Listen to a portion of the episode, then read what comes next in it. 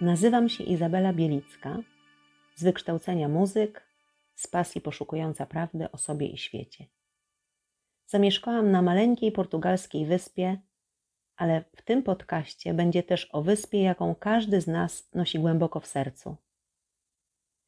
Od siedmiu lat prowadzę zapiski na Slow blogu, więc znajdziesz mnie pod adresem izabelabielicka.pl.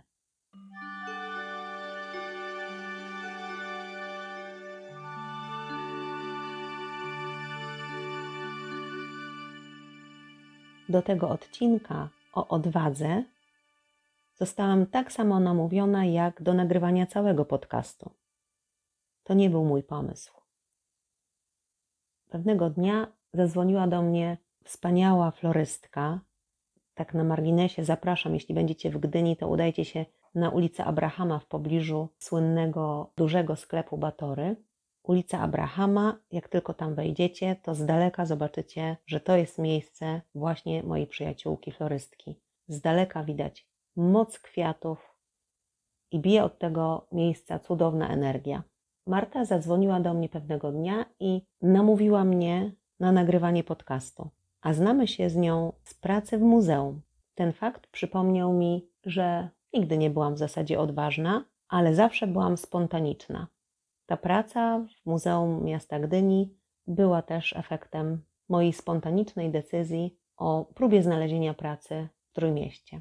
To była decyzja spontaniczna, ale gdybyście przyjrzeli się mojej odwadze opuszczenia mojego rodzinnego miasta po ponad 40 latach i zobaczyli obrazek, gdzie siedzę w pustym już mieszkaniu, gdzie do zapakowania do samochodu pozostała tylko paprotka i ja.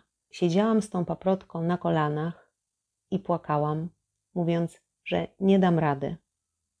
Ale przy wsparciu bliskiej mi osoby dałam radę zmienić miejsce zamieszkania najpierw na Gdynię, a potem na wyspę. Właśnie w Gdyni spotkałam Martę, która potem namówiła mnie na nagrywanie podcastu. Kiedy opublikowałam pierwszy odcinek, ktoś w komentarzu napisał pięknie o odwadze, o budowaniu jej. Dlatego zdecydowałam, że o odwadze nagram osobny odcinek. Czy to będzie ten odcinek? To się okaże. Od kiedy pamiętam, nie byłam odważna.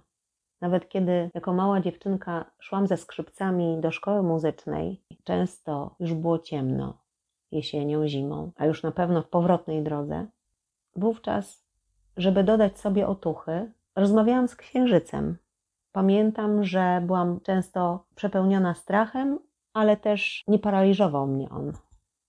Zawsze ten strach brałam pod mankiet i szliśmy razem dalej. Raczej nie byłam odważna, ale byłam spontaniczna. Bardzo szybko podejmowałam różne decyzje, ponieważ chyba bałam się, że jeśli pomyślę dłużej nad decyzją, to nie podejmę jej, albo wynik tej decyzji będzie inny niż chciałabym na samym początku. Te decyzje podejmowałam właściwie prawie natychmiast i nie zastanawiałam się, jakie będą konsekwencje tej decyzji. Dopiero dużo później, kiedy zdałam sobie sprawę, że wszystkie moje decyzje mają swoje konsekwencje, czy tego chcę, czy nie, zaczęłam wahać się przy podejmowaniu decyzji. Mam przyjaciółkę, która z mojego punktu widzenia niczego się nie bała. Mało tego, lubiła jakieś ekstremalne wypady. Nawet chciała skoczyć na bungee. Jest morsem, już od liceum chodziła po wysokich górach i zawsze byłam przekonana, że ona niczego się nie boi. Aż do momentu, kiedy z nią porozmawiałam na ten temat. Po pierwsze, powiedziała mi, że boi się zawsze, ale uwielbia moment, kiedy zdaje sobie sprawę, że ten swój strach przemogła i zrobiła to, co chciała. Czyli tak naprawdę sam proces pokonywania tego strachu, adrenalina i potem satysfakcja pozwalały jej na kolejne próby. I właśnie to lubiła. Przekraczanie swoich granic, lęku, obaw. Tak było do czasu, kiedy urodziła swoje córki kiedy pojawiły się na świecie, poczuła, że już w tym momencie nie chce tak ryzykować. U mnie taki moment nie nadszedł, ponieważ nigdy tak naprawdę świadomie nie ryzykowałam. Właśnie byłam lękliwa. Bardzo długo miałam też okazję czuć się dzieckiem, ponieważ moja mama zmarła, kiedy miałam 46 lat. Właśnie ten moment, kiedy życie zmusiło nas, żebyśmy zamieniły się rolami. Mama wymagała opieki, a mnie lekarze pytali o decyzję, był jednym z trudniejszych momentów w moim życiu. Opisałam to doświadczenie na blogu we wpisie pod tytułem Nic strasznego się bać. Pamiętam ten strach, to uczucie, tą bezradność, bezsilność. Na szczęście, kilka lat przed tym wydarzeniem, miałam okazję przeczytać moją ulubioną książkę, którą zabrałabym również na bezludną wyspę, jeśli mogłabym tylko jedną ze sobą zabrać. To książka Louise Hay Możesz uzdrowić swoje życie. Na początku tej książki jest jedno zdanie, które przewartościowało wszystko, co do tej pory sądziłam o sobie i świecie. Każdy z nas jest w stu procentach odpowiedzialny za wszystko, co go w życiu spotyka. Ponieważ przeczytałam to będąc już dorosła, chociaż było dla mnie to szokujące, ale zgodziłam się z tym zdaniem w stu procentach. I dziś myślę, że największą odwagą jest wzięcie odpowiedzialności za własne życie.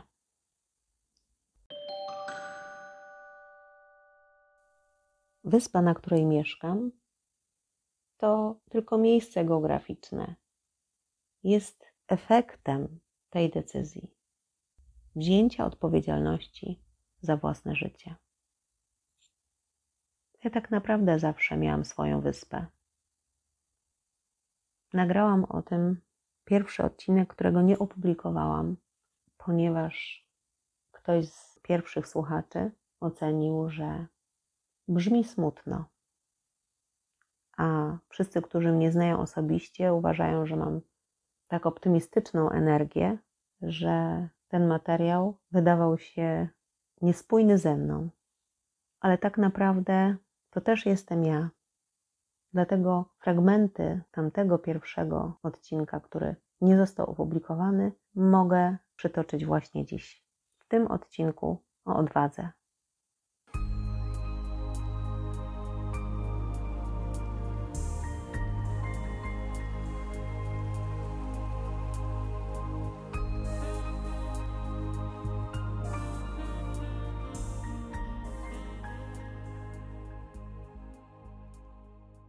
Już od dziecka tworzyłam sobie swoją małą, bezpieczną wyspę, ponieważ mama pracowała zawsze na dwa etaty, a ojciec, choć był skrzypkiem, pracował w różnych miejscach, ale nie przeszkadzało mu to prowadzić życie muzyka ze wszelkimi atrybutami tego zawodu. Zostawałam w domu sama, najpierw kiedy byłam malutka, a potem z kluczem na szyi od siódmego roku życia biegałam między dwoma szkołami i mieszkaniem na poddaszu kamienicy na obrzeżach miasta. Ta wyspa ratowała mnie za każdym razem, kiedy czułam się samotna. Całe moje dzieciństwo było przepełnione tęsknotą za obecnością innego człowieka. Moja wyspa była bezludna. Byłam na niej tylko ja. Biegałam też na zbiórki harcerskie i zabierałam moje skrzypce na spotkania grupy tańca ludowego, gdzie w kapeli grałam drugie skrzypce u boku mojego ojca. Jako szesnastolatka wyjechałam na całe długie 30 dni do ochotniczego chówca pracy tysiące kilometrów od domu i znalazłam się w Nowosybirsku, na zupełnie innej wyspie. Dziś opowiadam wszystkim jako wesołą anegdotę to, że w czasie, kiedy nocowałyśmy w tak zwanym Abszczerzycje, czyli akademiku rosyjskim, nawiedzały nas co noc karaluchy, takie wielkie. Oni mówili na nie tarakany. Na początku oczywiście bałyśmy się nawet spać. Kiedy rozmawiałyśmy z mieszkańcami tego Abszczerzycia, wszyscy dziwili się. U was w Polsce nie tarakanów? Nie chcieli nam wierzyć, że w naszych akademikach tych karaluchów nie ma. No, myśmy wtedy jeszcze nie mieszkały w akademiku, ale spodziewałyśmy się, że faktycznie ich tam nie będzie. Od kiedy zorientowałyśmy się, że są na wyposażeniu tego akademika, postanowiłyśmy ich nie zabijać, bo mogłoby nam nie starczyć pieniędzy, które zarobimy, kiedy podliczono by nas za każdego zabitego karalucha na koniec pobytu kopałyśmy tak zwane transzeje, takie wąskie tunele w ziemi na mniej więcej wysokość metra, gdzie potem, zanim powstanie osiedle, kładziono kable i być może rury pod zabudowę. 40 stopni upału, my ubrane w rosyjskie mundury, Pracowałyśmy 6 godzin i miałyśmy jedną przerwę na wody, ile tylko można do picia i chleb świeży, pachnący chleb. Prysznic mogliśmy brać tylko raz w tygodniu. Poza tym myliśmy się w umywalkach. To była szkoła życia. Ja byłam jedną z najmłodszych. Niektórzy młodzi mężczyźni mieli po dwadzieścia kilka lat i zarówno ja, jak i oni po przylocie do Polski ucałowaliśmy niczym papież asfalt na lotnisku w Warszawie.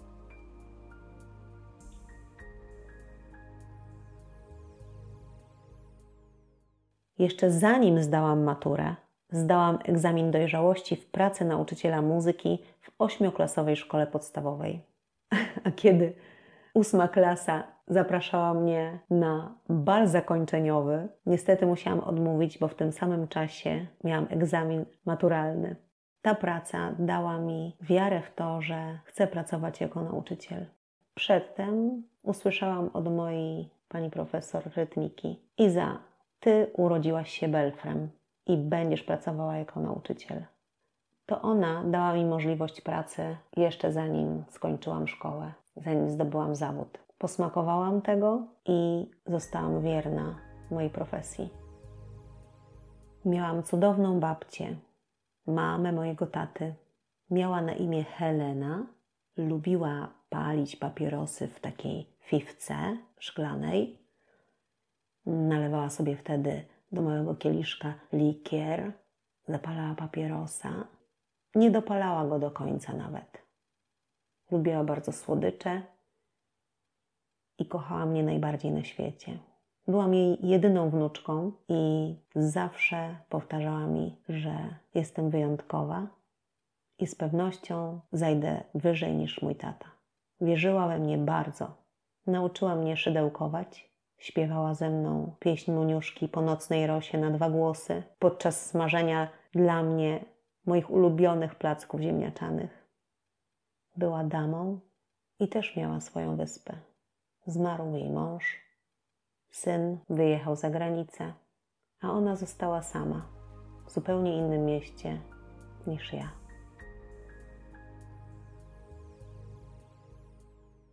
Dostałam się na Akademię Muzyczną, a po obronie pracy magisterskiej zaczęłam pracę jako muzyk, jako nauczyciel gry na instrumentach klawiszowych. I znowu stworzyłam sobie wyspę pełną muzyki, śmiechu dzieci, tańców, śpiewu. I tak pracowałam przez 20 lat. W trakcie tych wielu lat pracy spotkałam mnóstwo cudownych ludzi.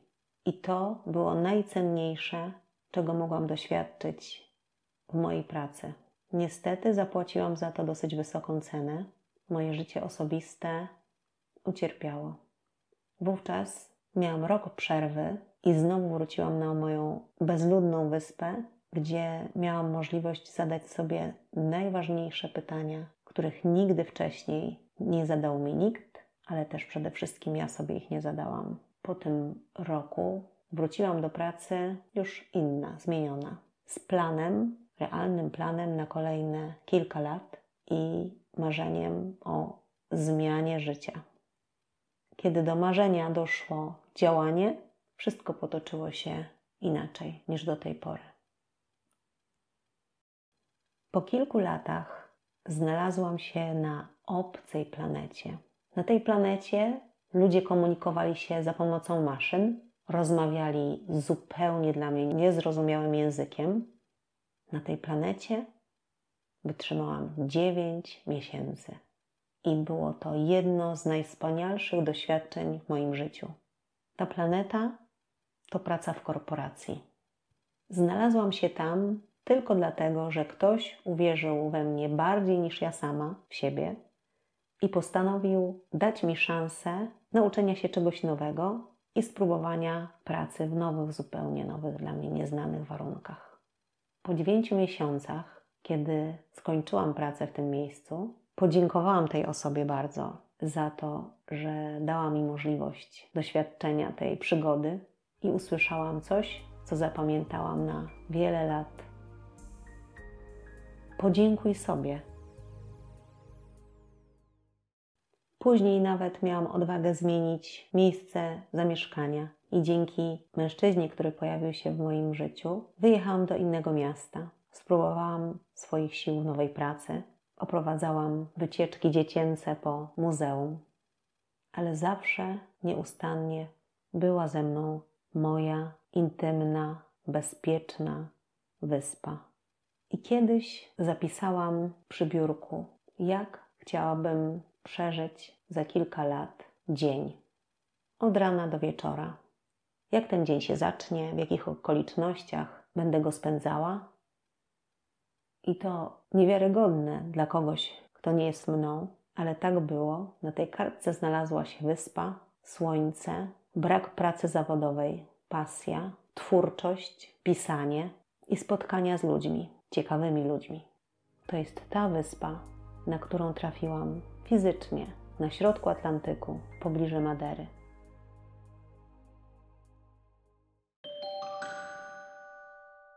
Jest dobry czas na nostalgiczne klimaty, ponieważ zaczęła się jesień.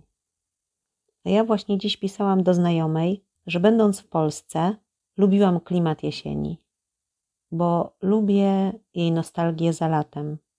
Wrzesień pamiętam jako polską złotą jesień. Lubiłam wtedy wspominać, chodzić ze słuchawkami w uszach, szukać starych sentymentalnych melodii, czasem sobie popłakać, bo w deszczu nie widać. I wówczas jesień potrafi być piękna inaczej. Przy okazji polecam Wam piosenkę Julie Weroniki Mortensen. Taką jesień lubię najbardziej. Może jeszcze dodam, że zawsze bałam się podjęcia ostatecznych decyzji, które wydawały mi się nieodwołalne, nieodwracalne, ostateczne. Ale na szczęście znajoma ze studiów podyplomowych powiedziała na koniec: Nic się nie stanie, jak zmienię zdanie. I mnie to sformułowanie spodobało się tak bardzo, że jest to jedna z moich ulubionych fraz, które powtarzam sobie, zanim podejmuję jakąkolwiek decyzję. Czyli teraz mogę być i spontaniczna, iść z lękiem pod rękę dalej i podejmować decyzję, nie bojąc się, że to już jest coś ostatecznego, że jeżeli teraz podejmę tą decyzję, to jest decyzja nieodwracalna. Bo zawsze mogę powiedzieć sobie: nic się nie stanie, jak zmienię zdanie.